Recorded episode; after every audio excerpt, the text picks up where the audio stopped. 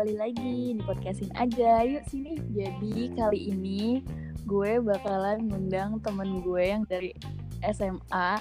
Uh, kebetulan kita temenan udah dari SMA pas kelas itu ya, Nong? Iya, iya. Ya, jadi itu kelas 10 ya? Iya, kelas 10.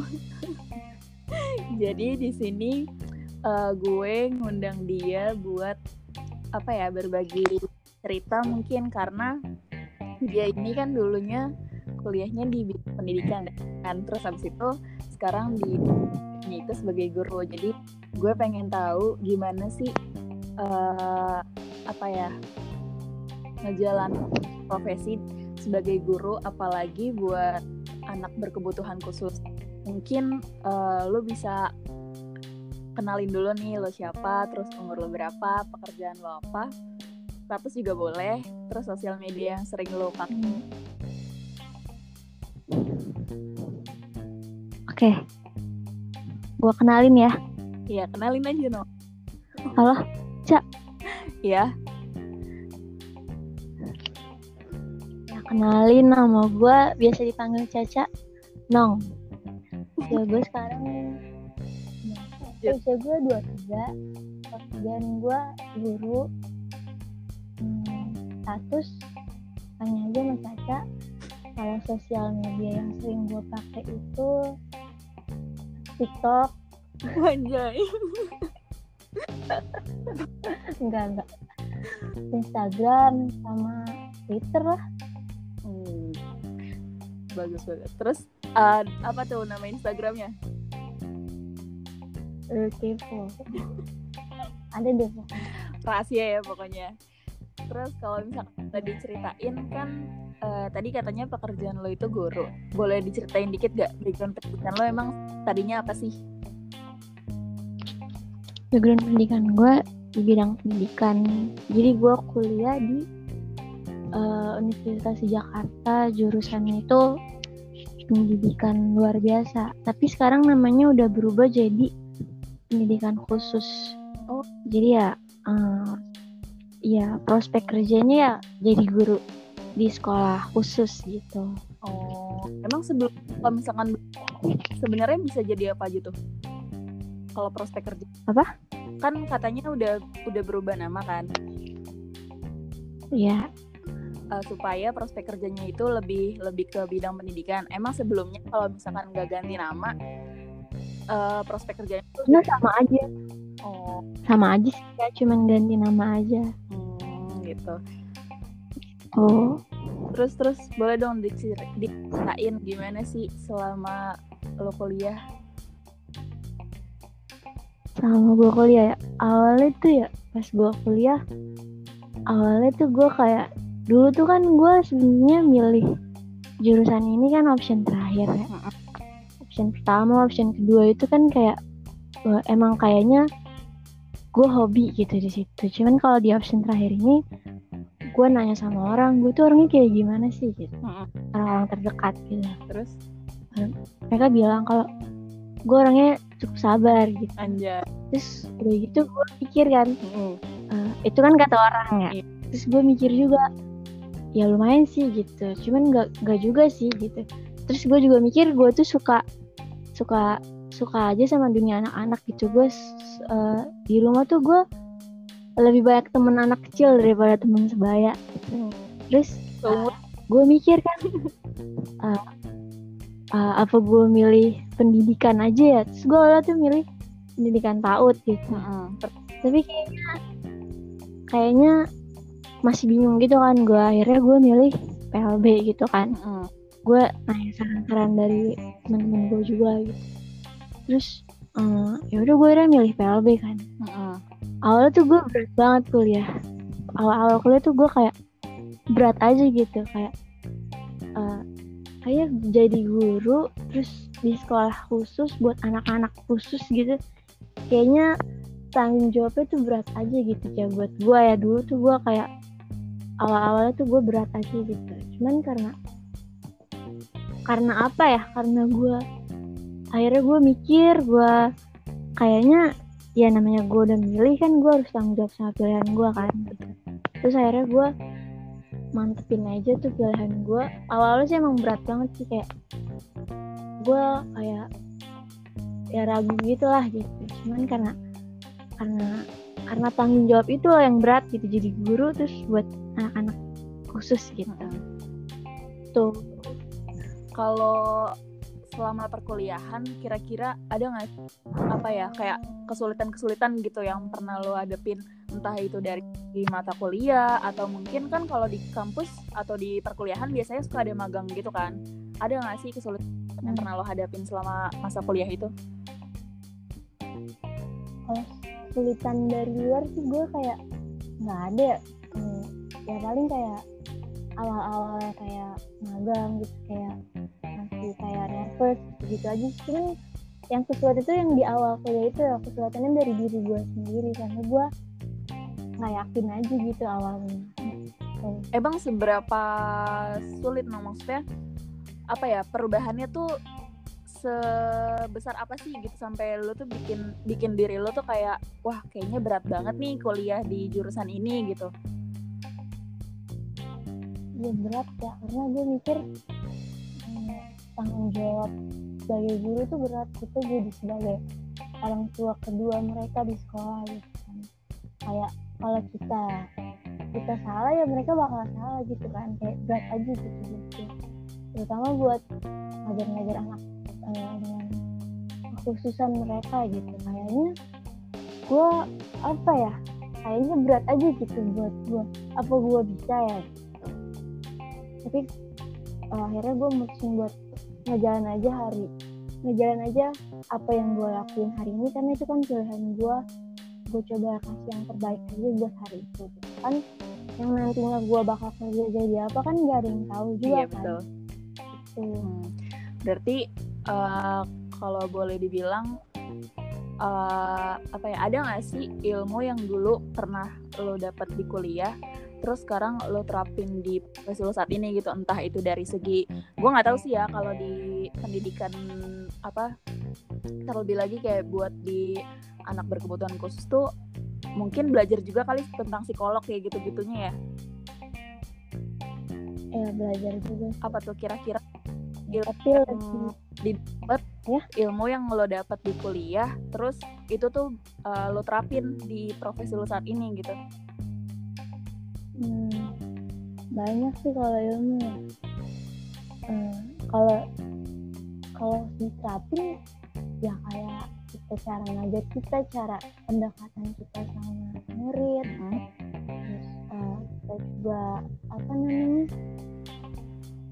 uh, kayak misalnya buat media belajar yang sesuai metode belajar, strategi belajar yang sesuai buat anak dengan macam-macam karakteristiknya yang disatuin dalam satu kelas gitu ya. itu sih yang ilmu yang masih gue terapin yang gue dapat dari pas gue kuliah gitu hmm.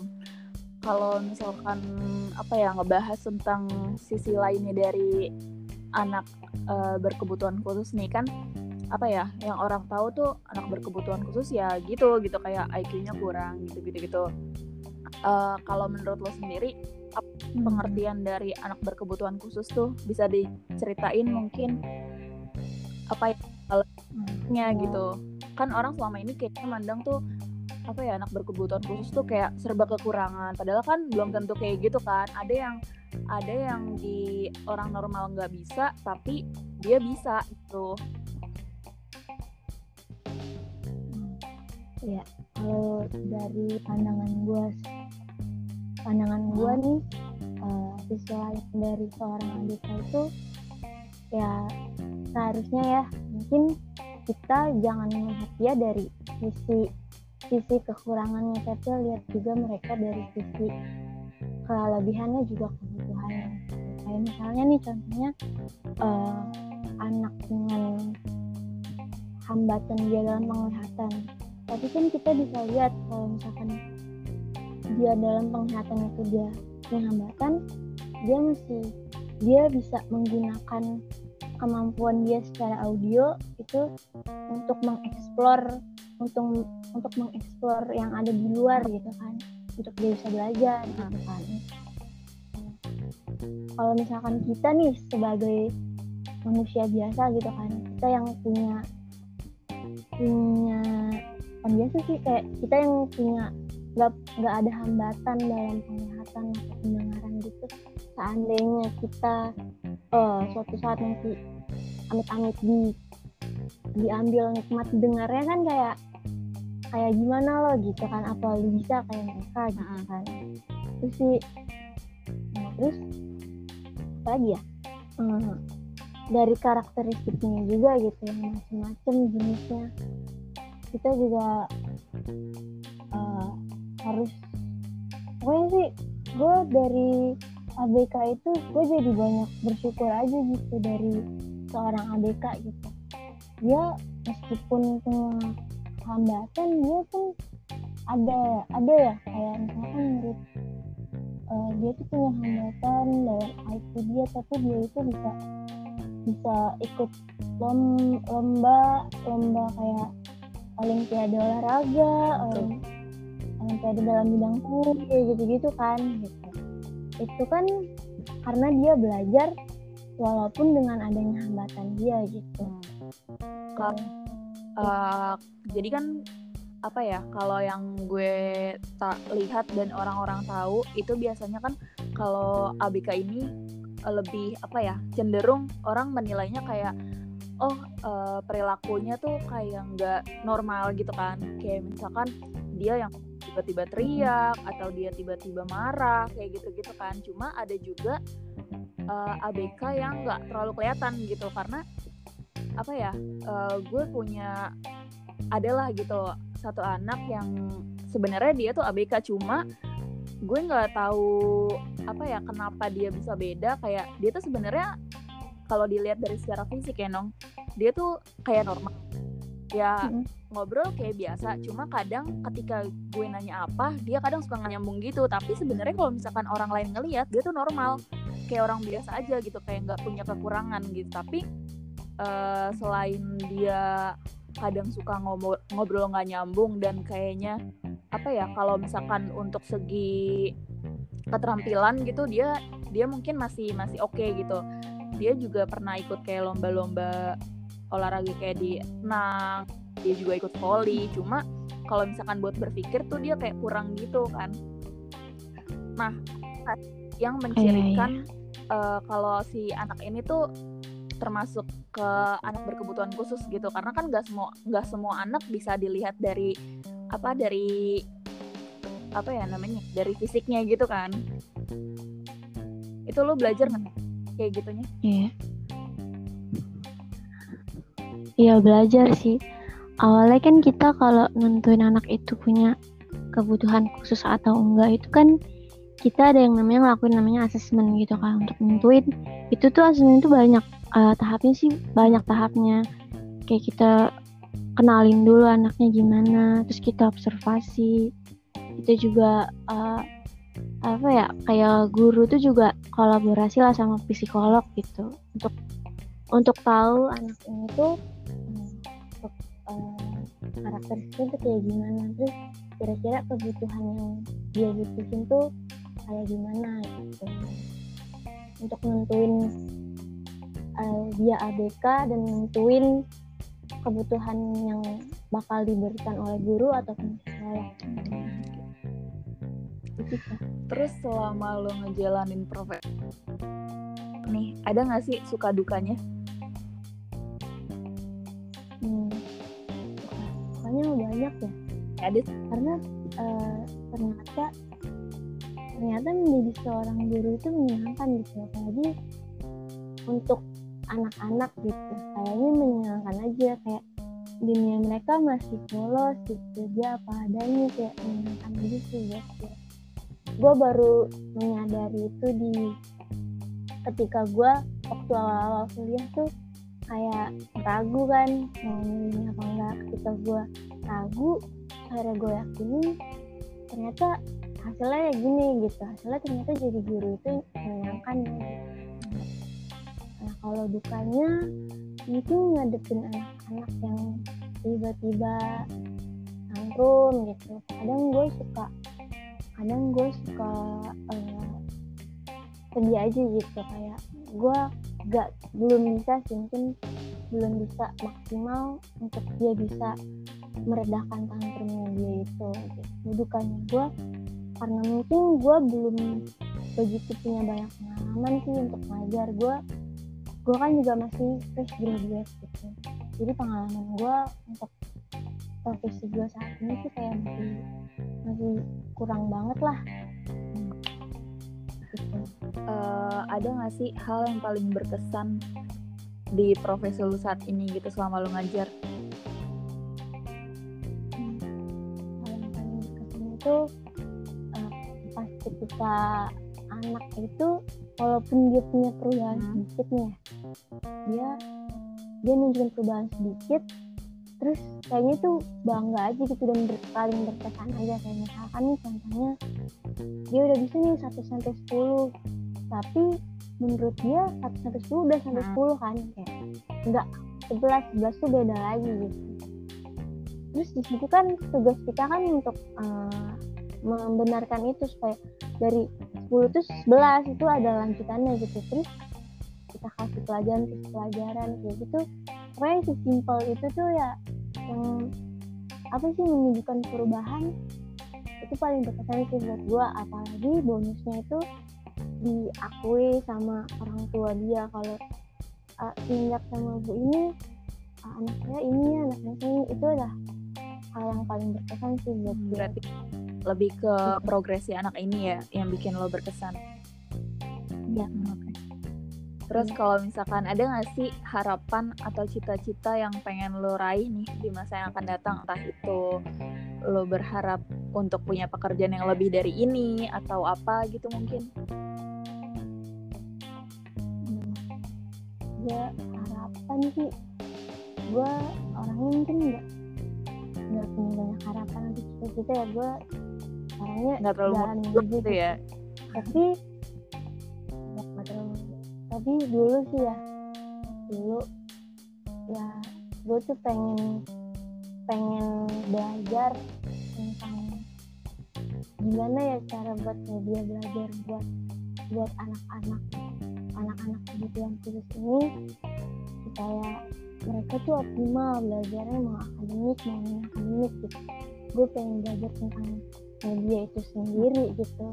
Gue pengen cita-cita gue sih gue pengen bikin media belajar yang bisa bantu mereka mau gunakan kemampuan mereka itu aja sih ke cita-cita gue untuk bidang. Uh, emang kalau misalkan boleh tahu sejauh ini belum ada atau udah ada tapi mungkin jarang yang make buat media pembelajaran anak berkebutuhan khusus itu ya ada banyak kok cek cuman dia adalah uh, pikiran-pikiran gue gitu nggak tahu itu bakal ya ada kan hmm. misalkan gue ngajar terus kayaknya gue butuh media ini deh biar anak ini kayak pikiran-pikiran kayak gitu yang kayak kadang uh, eh, gue jadi pengen bikin media yang cocok kalau buat anaknya sebenarnya sih ada media-media belajar yang bagus kan udah banyak gitu. dan gue pengen bikin aja gitu uh, berdasarkan pengalaman ya, bagus sih bagus. Semoga semoga dapat terrealisasi ya nong terus kira-kira nih uh, kalau boleh tahu lu udah berapa lama sih ngajar jadi guru di sekolah itu? Kalau di sekolah ini sih gue baru dari Oktober. Oktober ya, Oktober iya. tahun lalu berarti ya? Lima iya, bulan kira-kira. Iya lima bulan Kenapa? sebelumnya gue ya. Sebelumnya gue ada sih jadi guru part time gitu. Itu tuh ngajar ini juga ABK juga? Iya. Ada nggak sih perbedaannya antara lo ngajar di sekolah sama lo ngajar pri uh, privat ke anak itu doang satu anak itu doang? Hmm. kalau di sekolah kan kita ada uh, di sekolah kan ada aturannya. Ada kurik ada ada kurikulum ada segala kita bikin hmm. gitu. Itu bedanya sih itu. Cuman kayak kalau buat gue dari sekolah kayaknya uh, kita bikin rencana sebagus apa gitu kalau misalkan nanti di lapangan nggak bisa sesuai dengan rencana kan kita nggak bisa terlalu maksain gitu kan. Ya, jadi jadi guru jadi guru mungkin harus lebih iya, banyak ya, improve kali ya kalau misalkan kalau misalkan ditanya ya? lebih gampang atau lebih menyenangkan mana sih antara lo ngajar di sekolah atau lo ngajar privat? Hmm, sebenarnya sama aja ya karena di sekolah pun gue eh, nggak um, terlalu pakai perencanaan itu gitu karena ya ya biarlah perencanaan itu untuk sebagai administrasi aja gitu kalau hmm. gue ya. Kalau gue karena kayak misalkan perencanaan itu kita berdasarkan kompetensi yang udah diberikan dari pengaturan kurikulum ya kan. Tapi kan kayaknya gue nggak bisa terlalu terpaku sama itu. Jadi ya adalah beberapa yang gue cocokin sama kompetensi-kompetensi yang dibutuhkan itu sama dari uh, apa yang gue berikan dengan improve gue gitu. Sebenarnya sama aja ya cuman kalau misalkan di private kan kadang ya ada kelebihan ada kekurangannya gitu kalau privat itu kan uh, kita emang bebas gitu kan uh, kita mengajar ini yang dulu gitu kan. Iya. tapi kan tujuannya tetap kan orang tua pengen anaknya bisa ini bisa ini gitu sama aja sih kayak ada tuntutan oke okay. uh, kira-kira apa sih pesan yang bisa lo kasih buat orang-orang yang punya profesi atau pekerjaan yang sama di bidang kayak lo atau uh, pesan buat orang-orang yang baru akan terjun di profesi yang lagi lo jalanin sekarang ini? Hmm. Gue pesan buat orang yang mulai dulu kali ya. Pesan gue sih mungkin ada orang yang kayak gue mungkin awal-awal merasa berat. Karena tanggung jawabnya mungkin akan akan berat ya. Mungkin kan. Buat gue ya lakuin aja apa yang apa yang uh, lo lakuin hari ini gitu. Karena kan sebenarnya yang namanya kuliah itu kan hmm. kita cari ilmu gitu kan bukan untuk bukan untuk mencari pekerjaan yeah. itu kan bonus sebenarnya kan sebenarnya kan ilmu iya, kan yang lebih penting gitu ya lu lakuin aja yang terbaik karena ilmu gak ada yang sia-sia kan bisa aja lu nggak jadi guru tapi ilmu itu pun terpakai ketika lu udah punya anak gitu karena kan namanya kita punya anak kan kita pasti mendidik. Itu itu pesan gue untuk yang baru mau mulai kayak misalkan baru mau kuliah atau baru mau mulai mengajar kayak gue gitu gue sih hmm, lakuin yang terbaik aja gitu terus kalau untuk yang untuk orang yang berprofesi di bidang yang sama di bidang guru ini ya harus tetap banyak-banyak sabar tetap konsisten tetap kasih yang tetap kasih yang terbaik. Ya hmm, kita harus kita harus sabar harus kasih yang terbaik buat anak-anak. Itu kalau masalah masalah rezeki itu biar yang ngatur gitu. Karena kalau menurut gue uh, apa ya jadi guru tuh kayaknya kan gak mudah ya pasti ada pressure-nya kan. Gimana cara kita ngetrit anak itu supaya jadi lebih baik kan? Dan itu tuh butuh butuh tanggung jawab yang besar ya kan ya dong dan iya. Sebenarnya sih setiap pekerjaan banyak ada pressure ya sih tapi kalau buat gue ini. Ya, karena apa ya juga gue sebenarnya pengen banget kan ngambil ngambil ke pendidikan karena sama gue kayak lo uh, seneng belajar terus juga seneng sama anak-anak. Cuma mungkin bedanya kalau lo kan lebih apa ya kalau sama anak-anak tuh lebih sabar karena kalau gue tuh mungkin karena emang Allah tuh tahu kali ya kalau watak gue tuh keras gitu kalau ngajarin anak-anak tuh nggak bisa cara lembut. Jadi mungkin gue nggak dimasukin ke pendidikan gitu. Tapi sebenarnya tuh pengen. Tapi emang bener sih yang tadi lo bilang itu. Kalau ilmu tuh nggak ada yang sia-sia gitu pada akhirnya ketika gue kuliah di desain pun waktu itu waktu semester 3 gue masih sempet ini juga sih ngajar-ngajar di bimbel gitu ya. Walaupun emang dulu kan sebenarnya gue pengen ngambilnya tuh uh, eh, PGSD kan. Incernya uh, apa ngajar jadi guru SD gitu. Hmm. cuma kan emang gak kesampaian kuliah itu akhirnya gue nyalurin ke apa ya nyalurin hobi gue ke ngajar bimbel itu itu juga gue baru mulai dari situ gue belajar tuh. Ternyata apa ya uh, ngadepin anak-anak yang normal aja itu susah banget. Kayak apa ya kan setiap anak itu pasti cara didiknya beda-beda ya. Ada yang dibilangin sekali ngerti ada yang harus dibilangin dua kali dulu baru ngerti gitu.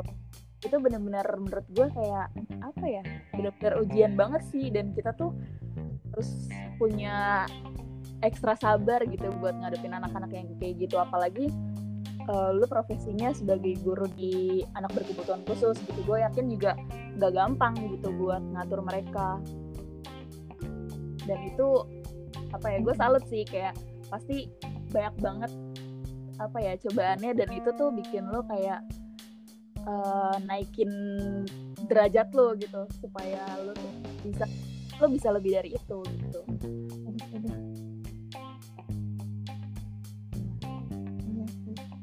sebenarnya um, ya menjadi guru itu kan ya orang bilang kan selain lu dapet uh, dapet gaji tapi lu kan juga dapet pahala gitu loh. Ya kan bisa kayak uh, karena kita uh, apa sih kayak kita mem, uh, apa sih ini kayak anak itu dari yang nggak tahu jadi tahu gitu kan. Itu sih yang menjadi guru ya itu yang namanya uh, keuntungannya menjadi guru tuh itu gitu. Yang iya. tadinya nggak bisa ini jadi bisa gitu kan. Meskipun harus ngelewatin yang tadi dia bilang kayak anak-anak kayak gini macam-macamnya banyak. Deh gitu kalau misalkan di satu dalam kelas kan bingung juga cara cara iya, bener, bener, nyampein materinya ya kan? Tapi kalau ini gue nggak tahu ya kalau di sekolah tuh ada tahap seleksinya juga atau enggak kalau dulu gue pas uh, jadi guru di bimbel itu kan pasti ada tesnya gitu kan. Entah itu tes dari kayak soal-soal matematika atau apa gitu. Sama ada soal kayak lebih ke psikotesnya gitu. Ada nggak sih nong? Kalau misalkan di sekolah-sekolah gitu apa karena ngelihat uh, background pendidikannya oh ini dia udah S1 pendidikan nggak perlu lah dites gitu. Ada nggak sih tes tes gitu ada tes kayak gitu uh, tapi tesnya lebih ke praktek kali ya lebih langsung uh, kita dikasih waktu misalnya beberapa minggu tapi terus kayak ya sebenarnya background pendidikan juga sebenarnya kayaknya dilihat juga ya. Terus kita dikasih waktu nih misalkan dalam minggu gitu. Nah, untuk observasi anak dulu supaya nanti pas ngajar jadi nggak kaget kan. Nah, terus nanti biasanya kita dikasih waktu kayak apa tuh namanya kak? Nah, kayak magang gitu kan iya, ya. Terus? Kayak masa percobaan lah. Ya tiga bulan itu kita uh, langsung interaksi sama anak ngajar gitu kalau nantinya kita punya progres yang bagus punya bisa deket sama anak-anak ya kemudian bisa diterima itu sih. Ya pengalaman tapi kalau dari lu sendiri ada nggak sih nong kesulitan dalam mengajar? Kayak gue aja waktu uh, ngajar di tempat bimbel aja tuh kadang susah ngejelasin kan uh, dalam satu kelas pasti anaknya banyak kan dan kepala setiap kepala itu beda-beda kan cara nangkepnya. Cara pelajarannya ada yang cepat nangkep ada yang lama ada yang benar-benar nggak bisa. Itu kan pasti cara kita nyampein ke mereka nya ngedeliver apa ngedeliver beda-beda kan. Kadang kalau DJ tuh kayak ketika gue ngajar ada tuh kayak aduh gue mesti gimana lagi sih cara ngajarnya? Kayaknya ini ini tuh udah udah gampang banget ngerti gitu. Karena mungkin kalau gue pribadi netnya diri gue gitu kayak ini kan gampang caranya cuma gini doang gitu lo ngerasa kesulitan kayak gitu?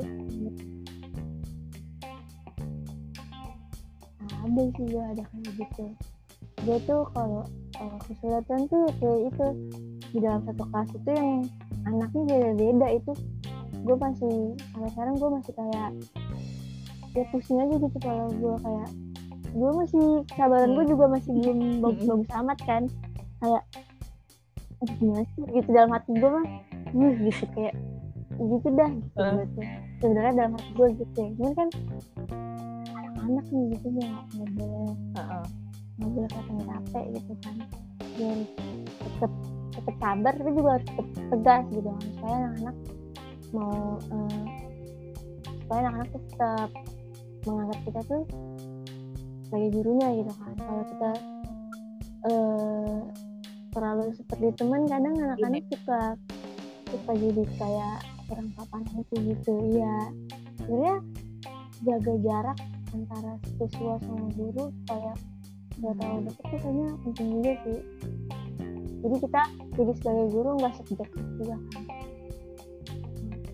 Kesulitan yang kayak gitu tuh biasanya gue atasin yang misalkan anak yang anak-anak yang udah bisa dulu nih yang misalkan yang anak-anak yang cepet nangkepnya dulu nih yang gue yang gue jelasin gue fokus ke dia gitu. Nah kalau di sekolah khusus gitu gue biasanya gue kasih ke pelatihan sama mereka. Mereka kan yeah. cepet nangkep otomatis kan cepet gitu belajarnya. Terus gue udah ajarin materi-materi gitu kan. Terus paling enggak gue kasih mereka tugas baru nanti gue ke anak-anak yang um, menurut gue um, harus lebih gue kasih lebih penjelasan yang lebih gitu. Gue sih gitu ngatasin uh, karena uh, gue pernah ya punya pengalaman itu ketika gue kan anaknya sebenarnya uh, apa ya nggak terlalu ini ya nggak terlalu kalau sama anak-anak tuh kayak kadang tuh pengennya jadi temen gitu. Padahal kalau kata lo bilang tadi kan harus ada batasan kan antara siswa sama guru itu. Tapi gue tuh kadang ngeliat gini kayak kalau misalkan iya. gue terlalu galak terlalu tegas takutnya anak jadi takut jadi susah buat menerima pelajarannya kalau gue kadang mikir kayak gitu makanya hmm. waktu itu gue pernah kayak gue tuh pengennya dianggap sama mereka tuh sebagai teman gitu karena gue mereka uh, ketika gue ngajarin mereka gue ngasih materi mereka cepet nangkapnya tapi ternyata yang gue pikir mereka bakal bisa apa ya bakal bisa lebih cepet dan nangkep nerima pelajaran itu ternyata salah gitu. Malah jadi disalahgunain. Kayak misalkan mereka tuh jadi kayak apa ya jadi kayak kurang sopan sih jatuhnya gitu. Iya betul betul. Kayak gitu.